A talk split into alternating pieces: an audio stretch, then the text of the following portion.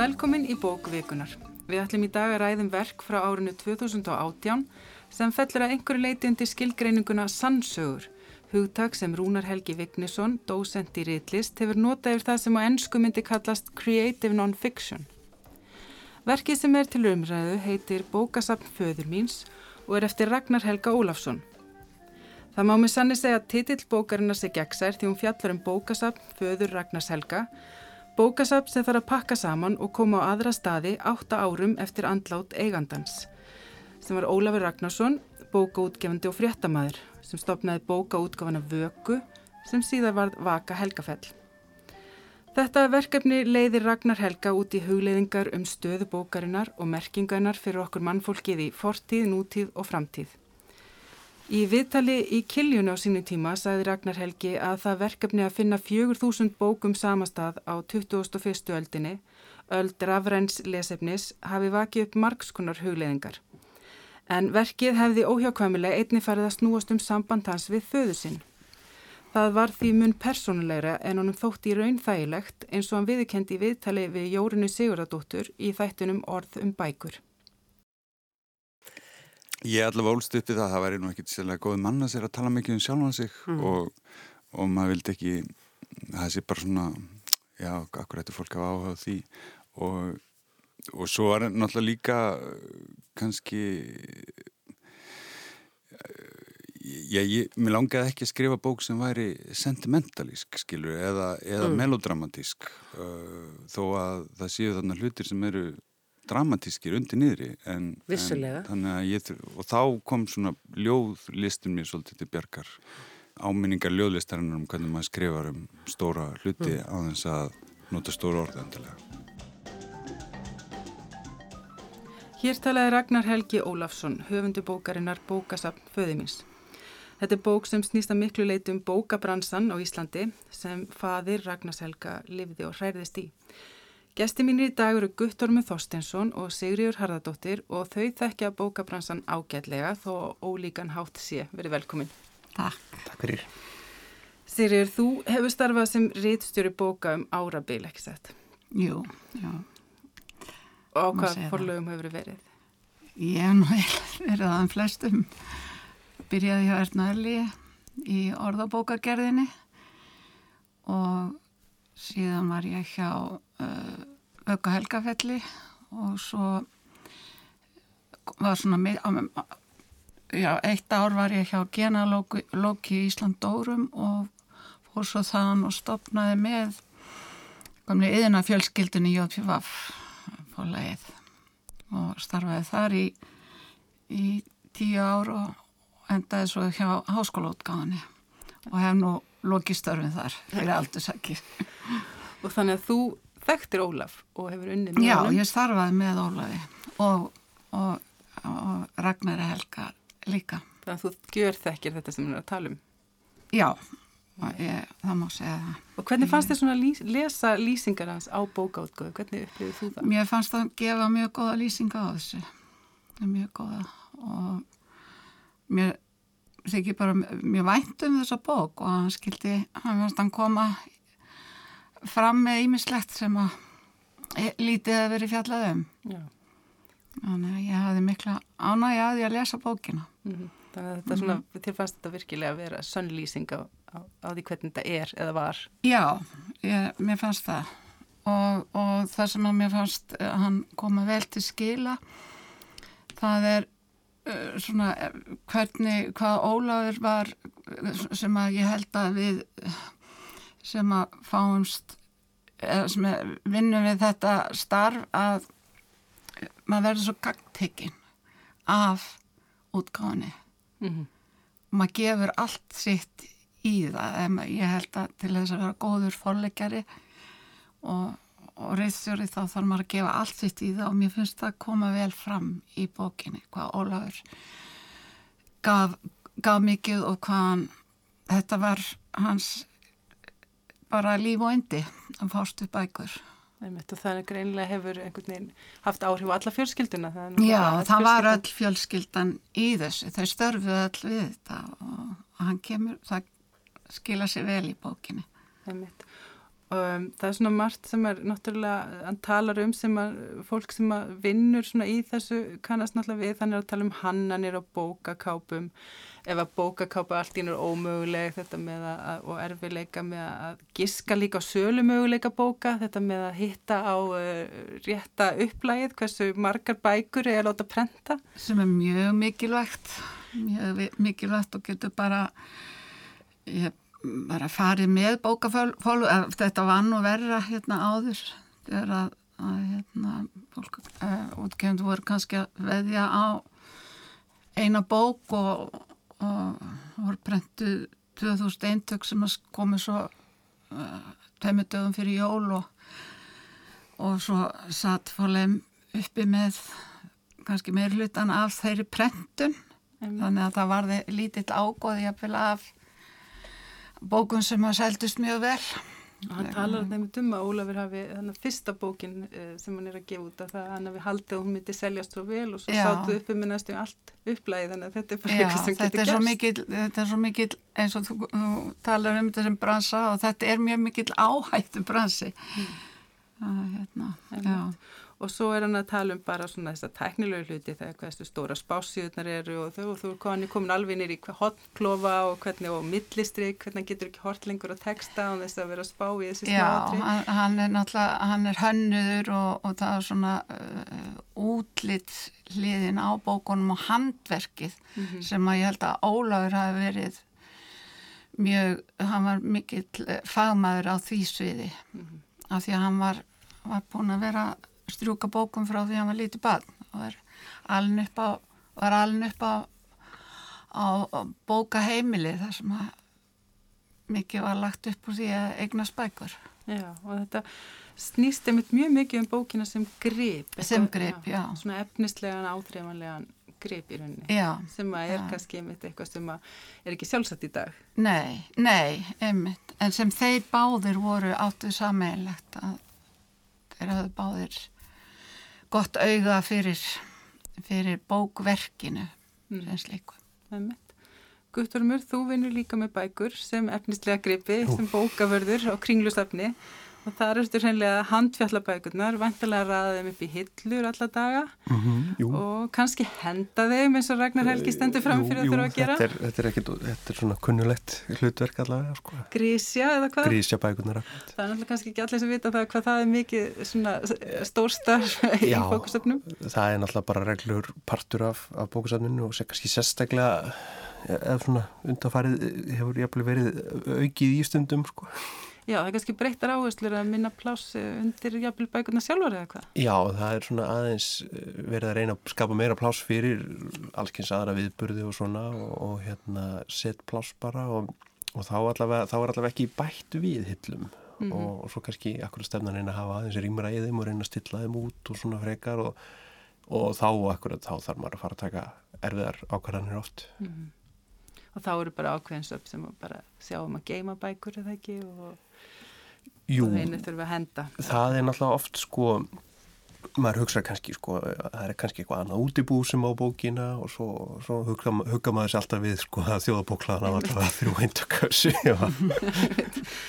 en hvernig fannst þér að lesa þessar lýsingar á bókasafni sem verðist vera orðið ofökið í nútíma samfélagi? Já, sko þetta er náttúrulega kunnuleg orðræða sko, maður svona maður verður svolítið var við þetta sérstaklega á bókasafninu þegar fólk er akkurat að koma með þessi svona dánarbú sko bara og er að spyrja hvort að við getum ekki bara tekið við þau mjög vongótt og við mm -hmm.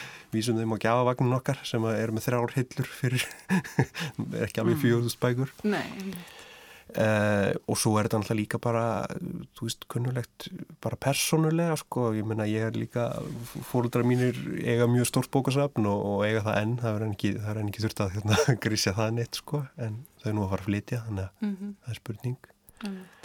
uh, þannig að það er samt líka kannski svolítið svona, einhvern veginn sorglegt en, en þetta er líka kunnulegt og líka mjög skiljalegt og, og hérna, og ég menna ég á sjálfur vini sem að lesa fullt af bókum en eiga enga bækur, ekki fysiskar allavega mm -hmm.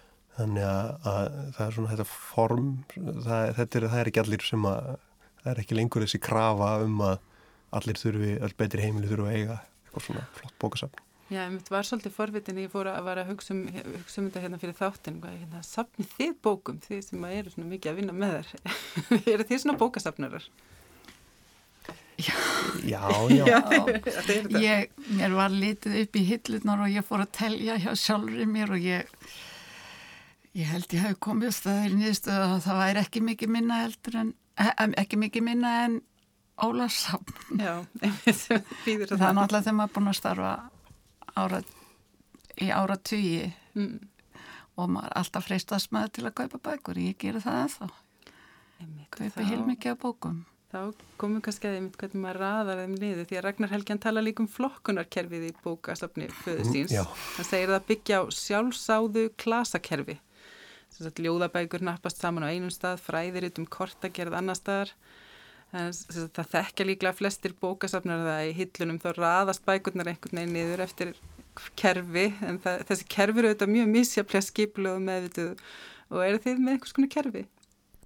Ég er ekki með djúi kerfið heima hjá mér Þú nennir því ekki Nei og það er líka náttúrulega bara þessi svona pláskum að þarf svolítið, að ég hef ekki það margar hillur þá þarf maður að, að hérna, setja stóru bækunar í mm. eina stóra hillu til að gjör nýta alveg plásið sko.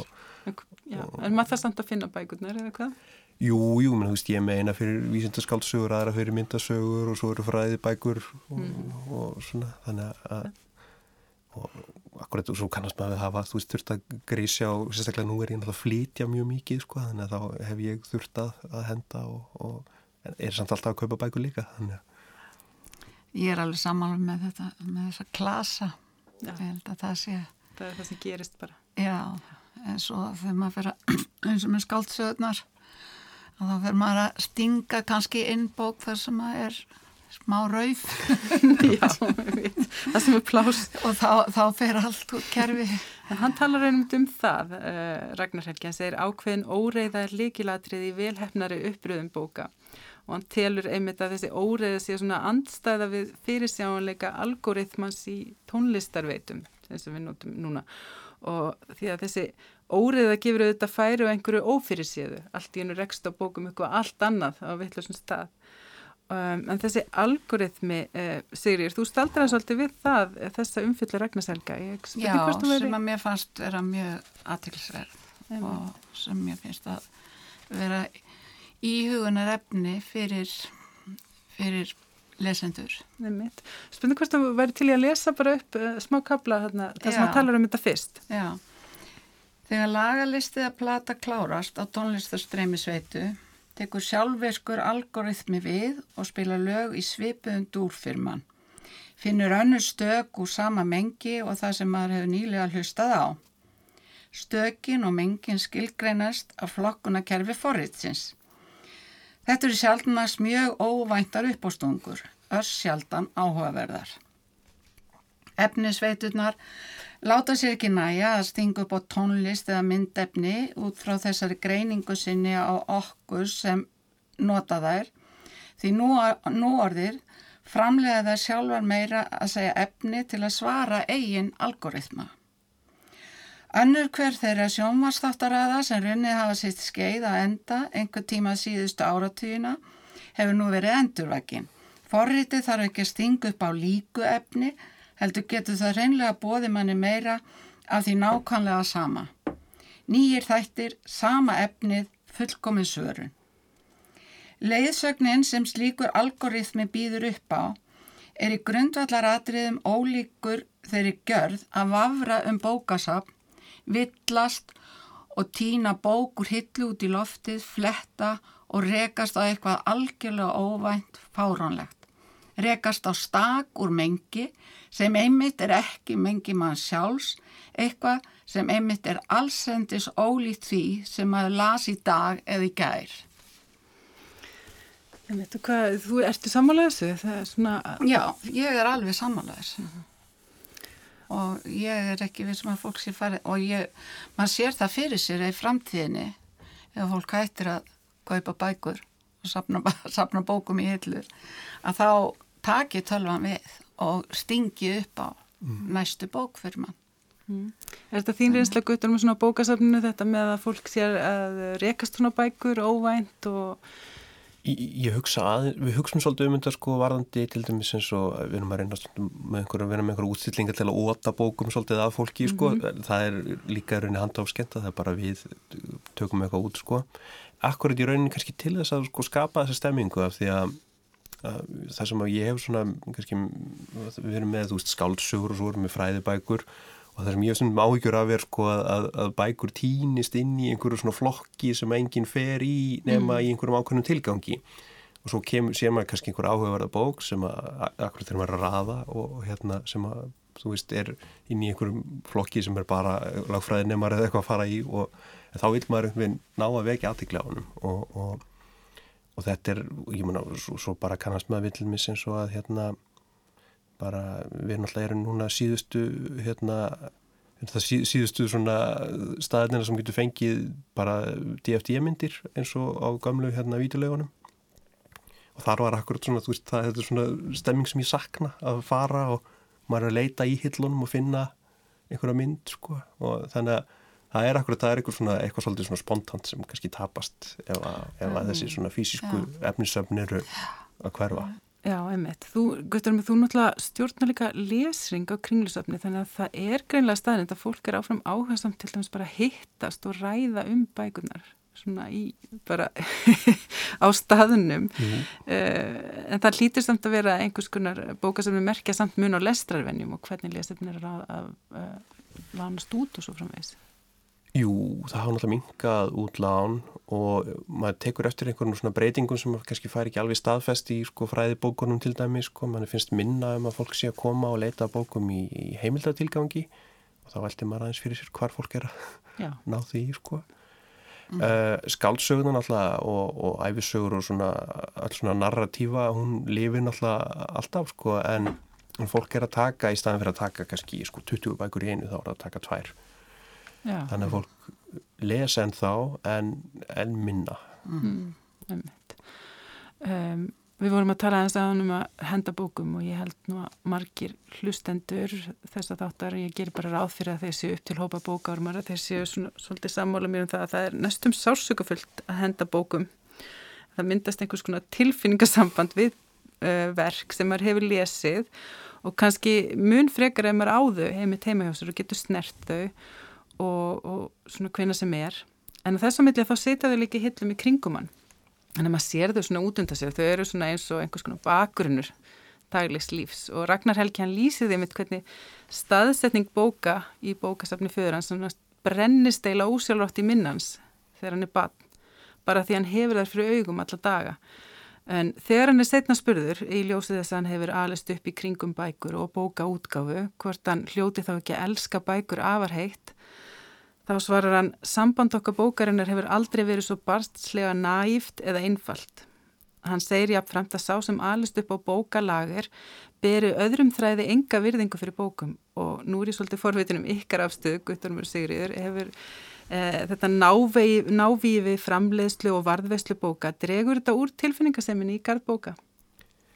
Já, allavega hef ég þurft að brinja mig svolítið sko þegar ég var settur í sko afskriftir fyrst að manni eftir þá er alltaf hérna bjarg einhverjum allskynnsbókum sem ég las svo aldrei og, og hérna gafst mér hljóta upp á. Já, fara með það heim sko, akkurat og, og svo er ég, svo enn þannig að maður er orðin svona hérna tilfinninga, maður er búin að brinja sig og er orðin tilfinningasnöðar í gafkvært þessu en En það er samt, ég hef ekki alveg uppið þetta grein eins og hann sko, það er alltaf þetta sentimentalitet sko. Já, og... það er því að hann hefur kannski alveg uppið það að sitja uppið með lager og svo framvegist að það er kannski líka neikvært tilfinningar í garðis að vera með þess að bóka stafla. Hvað segir þú? Ég, þa ég þekki þetta mjög vel og, og þetta einhvern veginn uh, mótsagnirnar sem eru í þessu sambandi og ég uh, var að velta þessu mikið fyrir mér hvert uh, út frá því sem ég var að lesa og hans uh, tilfinningum, kakvart bókum og svo mínum. Og ég get alveg samsama með við þetta að, að uh, ég hef sterkar tilfinningar fyrir bókunum á meðan ég er að lesa þær og, og svo bækur sem hafa haft áhrif á mig. En svo hef ég náttúrulega reyðst ístvilt á bókun sem að sem að hafa ekki haft þessi áhrif og svo fer maður inn á lager og ég þekki það mjög vel að, endalösar hillur af, af bókum sem að, að, að hérna, engi vill lesa og, og þetta er bara og maður vill losna við þær. Af lagarnir, maður svona til þess að einfalda lífið. Já, já ég, ég þekki þetta. Þetta er mikil svona baráta sem maður á í við sjálfan sig í, í sambandi við þetta þessi, að vera svona uh, hafa bæði starfað við bækur og, og fara heim og, og leiði bókum og svo þetta að hafa þetta inn á lager í þúsundatali og, og hérna ekkert samband Nei, það, bara hlustna er, sem, það er mótsögn í þessu. Eh, Eitt sem ég fannst ábyrjandi í þessar bók eins og reyndar mörgum öðrum bókum eftir kalla sem fjalla um bókmyndir og bókmyndahæðina það er að þetta er kallasaga eh, bókum feður og sinni þetta eh, eftir ég fór að velta þessu fyrir mér þá ákvæði ég að nýta mér nafnaskrana aftast og telja í snatri. Og þar eru taldar upp í kringum 20 konur á móti um það byrj 120 köllum og svo eru það nefndir tveir hestar þeir eru bókmyndabransin vorum við að tala um uh, bransan eins og hann var á tímum föður Ragnars Helga og Arvin sem hann situr uppi með. Þetta var kallabransi. Já, það uh, ég, það má segja að þetta hafi verið, forleggjararnir voru karlmenn. Það voru þeir sem að uh, réði mestu um það hvað kom út. Konur uh, já ég nú orði uh, þegar ég byrjaði þá voru ekki margir sem voru í förstu starfi við það að reytstýra bókum. Höfund að fengu kannski bara aðstofamenn eða einhvern sem þið þekktu vel og treystu til þess að reytstýra bókunum sínum. Þannig að þetta er tilturlega nýtt starf en konur er í meiri hluta held ég nú orðið sem, sem rítstjórar og, og próskalesarar. Það allavega er, já, e, e, e, var svona, já, það skiptist svona nokkuð jamt á milli kynja, en þeir sem réðu forleg, forleggjararnir, þeir, þeir, það voru karlar. Já, það hefur nú kannski eitthvað verið að breytast. Já, það hefur mikið breyst, ég. Það að ég held að, já, það er... Mm. Uh, fórleggeri fórlagsins er kona og, og, og, og Guðrún hjá Benedikt og mm. Angustúra og þetta er að verða bara bilding held ég. Mm. þessi kallega áhersla þarna endur spekla þetta uh, bókasafni sem hann er að taka niður þarna, það er náttúrulega frá þessum tíma sem er miklu kallegar í rauninni. Já, þannig að, já, þannig að hann, hann gat, já, það bara endur speklar þetta, hvernig þetta var, hvernig þetta var. Um, en uh, það sem Ragnar er náttúrulega svona tengtur bókinni sem grip og bóka bransanum og er síðan í þessari stöðu að þurfa að losa sig við heilt bókastafn á tímum þegar enginn og eiginlega kannski allar síst hans sjálfur vill eitthvað með þetta bókastafn hafa þá er hann skiljanlega upptekinn af stöðu bókarinnar í breyttu umhverfið Um, við erum náttúrulega öll först við skjáin þessa dana, unga fólki vil fá rafrænabækur, hljóðbækur, það viljum við líka held ég og nýkynnslóð les öðru vísi. Um, mér langar svona að vita, voru þið sammála greiningu Ragnars Helga á stöðu bók, bókarinnar? Hann heldur hún sérunni úrelt form. Hvað segir þú? Uh, hann var svona, hann, hann gekk aðeins jafnvel lengra fannst mér sko, hann sagði jafnvel sko bara það að lesa texta sko í því eitthvað, þetta er bara hljóðu myndi eða eitthvað svona sko, kannski, en ég held nú að sko, le, fólk lesa alveg jafn mikið, það lesa bara einhvern veginn í allt öðru formi að því að Já. fólk er að lesa svona einhverjar, þú veist, samfélagsmiðla og er reyndar, svo, svo getur náttúrulega verið fólk sér á YouTube myndbönd kannski meira en, en hérna, en ég held að, en ég held samt sko að það er alveg punktur í þessu með einhvern veginn sko hvernig allavega til minnst eins og skáltsagan hvernig hún mótist á forminu alveg bara eins og, eins og albúmið og, og eitthvað svoleiðis og þannig að maður getur alveg ímyndið sér að, að hérna, skáltsagna lestur hann er náttúrulega undanhaldi maður sér það mhm. alveg en, en hérna það er svona spurning hvernig, hvernig hvort, að, hvort hann lifir í rábókinni eða, eða, eða hvernig já, ég held allavega að, að sko svona bókasöfnin sjálfur hafa mér þess að verið einhvern veginn að, að svona búa sér svolítið undir þennan mm. þess að svona framtíð einmitt og sem kemur kannski mjög hægt hann talar einmitt um, hann er kannski mjög svolítið skemmtilegt hann talar um að uh, Já, hann talar um limbo bókana. Það eru þarna milli lífs og dauða sem sagt í einhverjum kössum í kjallaragemslum og bílskurum og hann bendir einmitt á að byðin í limbo geti orðið nokkuð laung þannig að við getum verið ansi lengi í þessu ástandi þar sem bækurnar eru svona þarna milli lífs og dauða eiginlega í einhverju uh, næstu því gemslu ástandi. Jú. Við erum ekki alveg tilbúin að losa okkur við þær en, en hérna en það er svona smám saman kannski. Svo er þetta líka þessi sko sem er heirt sko að það er koma ný og ný form sko en, en hérna efnis en, en hinn gamlu deyja ekki sko, við erum ennþá með útvarp og, og sjónvarp og, og svona stundum þurfaðu einhvern veginn aðalagast og breytast en, en hérna kannski full, full snemt að spá döiða bókarinnar alveg. Já, hann tala, hann, svolítið skemmtilega hann tala um hvað hugbúnað og vélbúnað þegar bókin sjálf sem gripur sér einhver svona mm. vélbúnað, svo hann tala um textanið mitt að það muni hverfa setna það muni endast lengur eins og þú sagðir með fólk heldur áfram að lesa texta kannski en jafnvel það sé að verða úrælt því að spurning hvernig upplifið þú þetta, Sigrir? Svona? Ég, ég verð því meður að segja að ég sé samanlónu Já, þannig að þú ert bara, meira sammálun heldur en kvöldur. Já, ég er bara uh, raunsa, ég held þessi raunsa, mér finnst ég sjá það bara á, á uh, kyn, uh, yngri kynnslóðana, að þó að, jáfnvel þó að börn sé alveg í það að það sé lesi fyrir þau hverju kvöldi mm -hmm. að þá finnst mér þau sínað í minni áhuga og mér finnst þetta að gerast mjög hratt Já. mjög hratt mér finnst ég að sjá mun á uh, barnaböndunum mínum sem eru 17 ára og svo þeim yngsta barnum mitt er 4 ára og mér finnst ég sjá mun bara á þessum mm -hmm. 10-12 árum hvað eldri börnin ég gætt sest með um þau gætt að setja tímanum saman í fanginu á mér og, og skoða bækur en núna vilja þau sækja þau miklu meira í myndmáli sko. mm, Sækja iPadin eða? Já, það, því miður er það þannig að, að þá vilja þau, jú þetta er svona á kvöldin við lesum bara á kvöldin mm. áðurum fyrir maður svona mm. það er svona, tróðið það búið svona takmarka þann tíma sem á að fara Já. í bókalest Alltaf alls þetta nýja hlítu náttúrulega einmitt að býta í tíman sem fór í bækur. Já.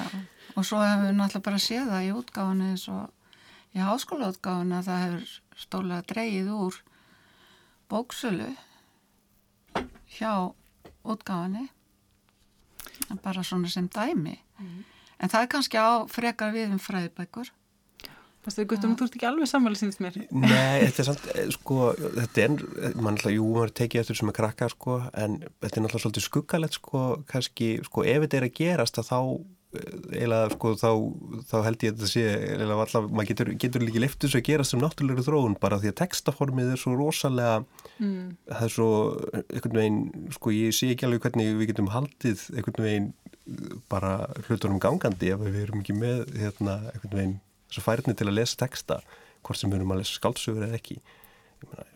Já, ég, ég er að tala um bókina sem já. slíka, bókverkið bókina. Já, og þið ertu svo náttúrulega rafbækur líka kannski. Ég, ég held að, að fólk á eftir að sækja sér eh, bækur bara í öðru, allt öðru formi. Já, jú, ég, það er, jú, það, það er auðvitað að, kannski, að gerast, sko. Já, ég held að hann sé að tala um Er, mm. er hann ekki að tala, ég, ég skildan þannig að hann var að tala um mm. bókina sem slíka, sem Jú, bókverk. Jú, sem formið, sko, það er svona gegnum gangandi náttúrulega, en, en hann svona, það er einn þessi punktur sem hann sko fer þessu eina skrefi lengra, sko, með mm. textan sem er já, kannski, já. kannski rétt hjá hann, en já, er, er, er mjög, það er svona skuggalega heldur en kannski þessi þróður sem er svona, maður verður að setja sig við.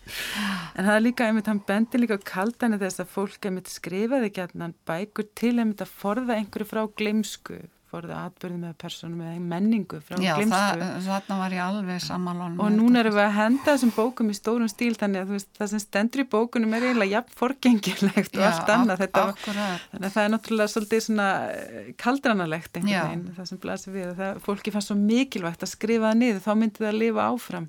Akkurat. En hann segi nei, það, það, er, það er núna í limbóinir í kjallara og Já það mun líklega enda á augunum.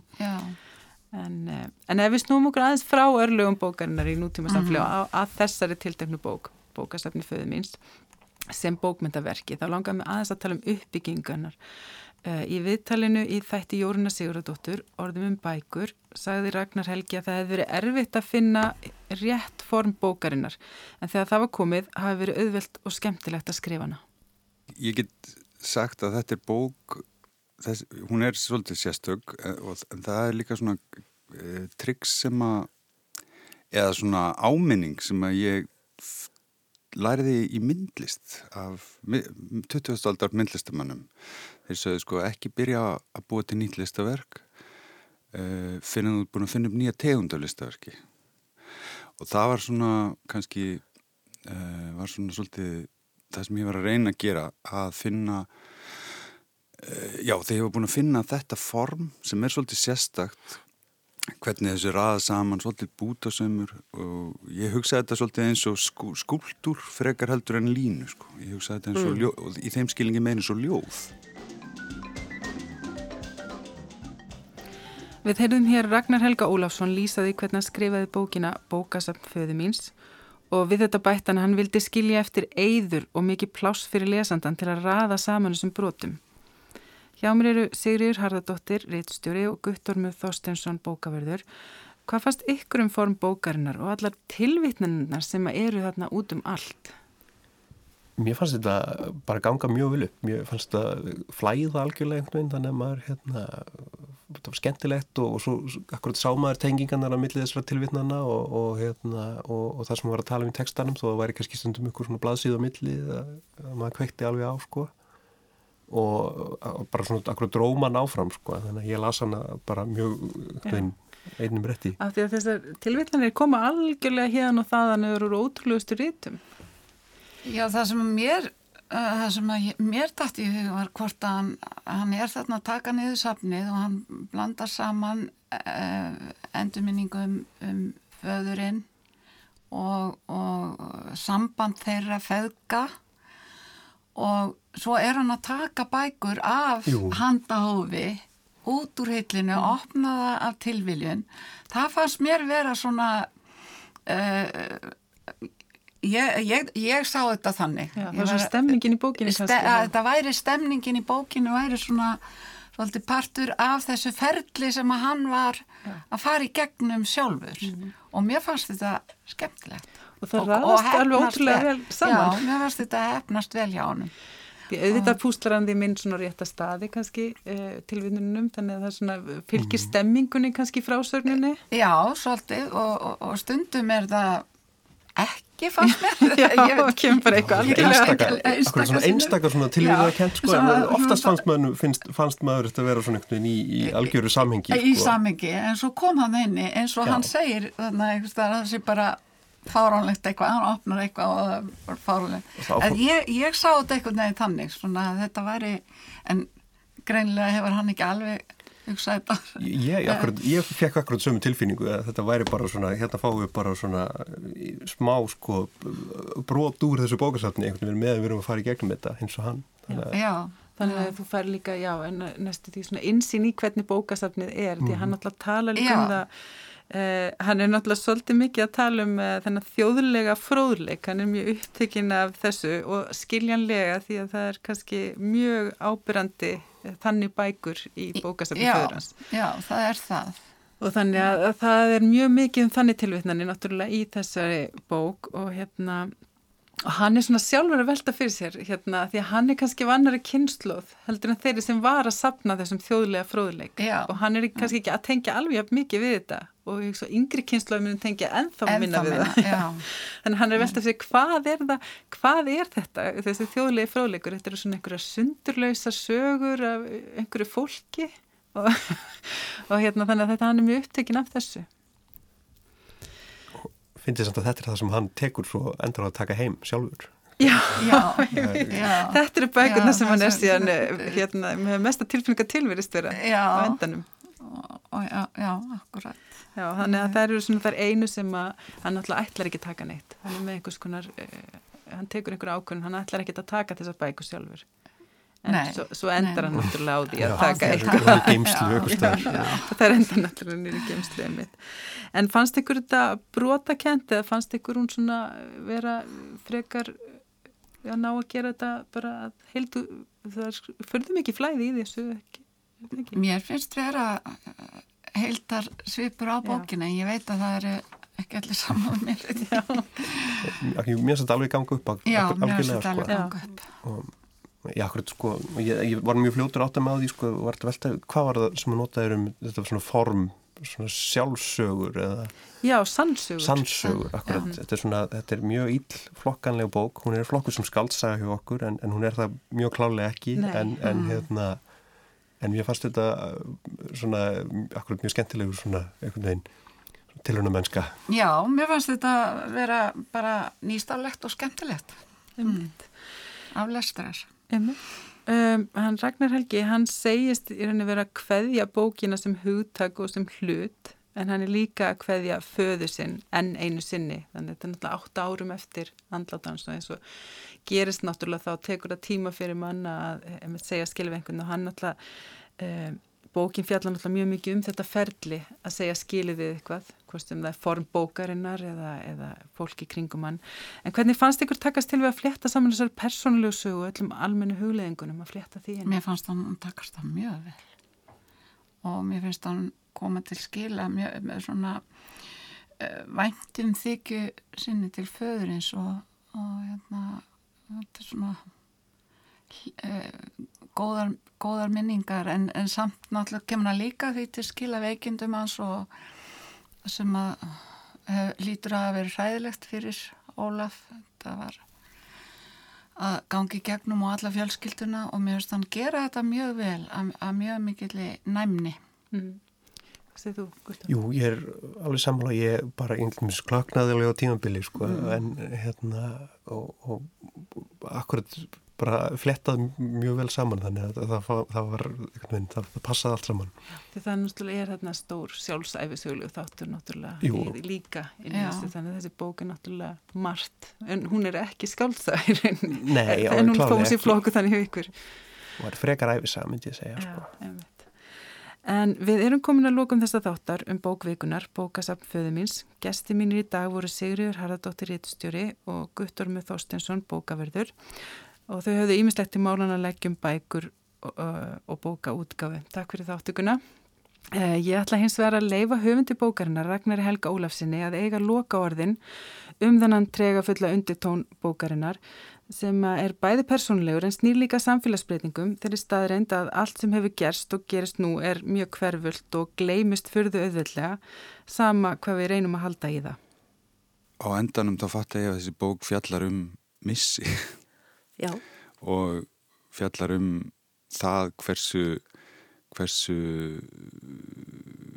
hversu það er erfitt fyrir okkur að sleppa á því sem okkur þykir vendum og hvað það er skrítið að dýrategund sem er búin að vera til í miljónir ára þetta erum við búin að þekkja frá því að fyrsta, ma fyrsti maðurinn dó er að sakna einhvers.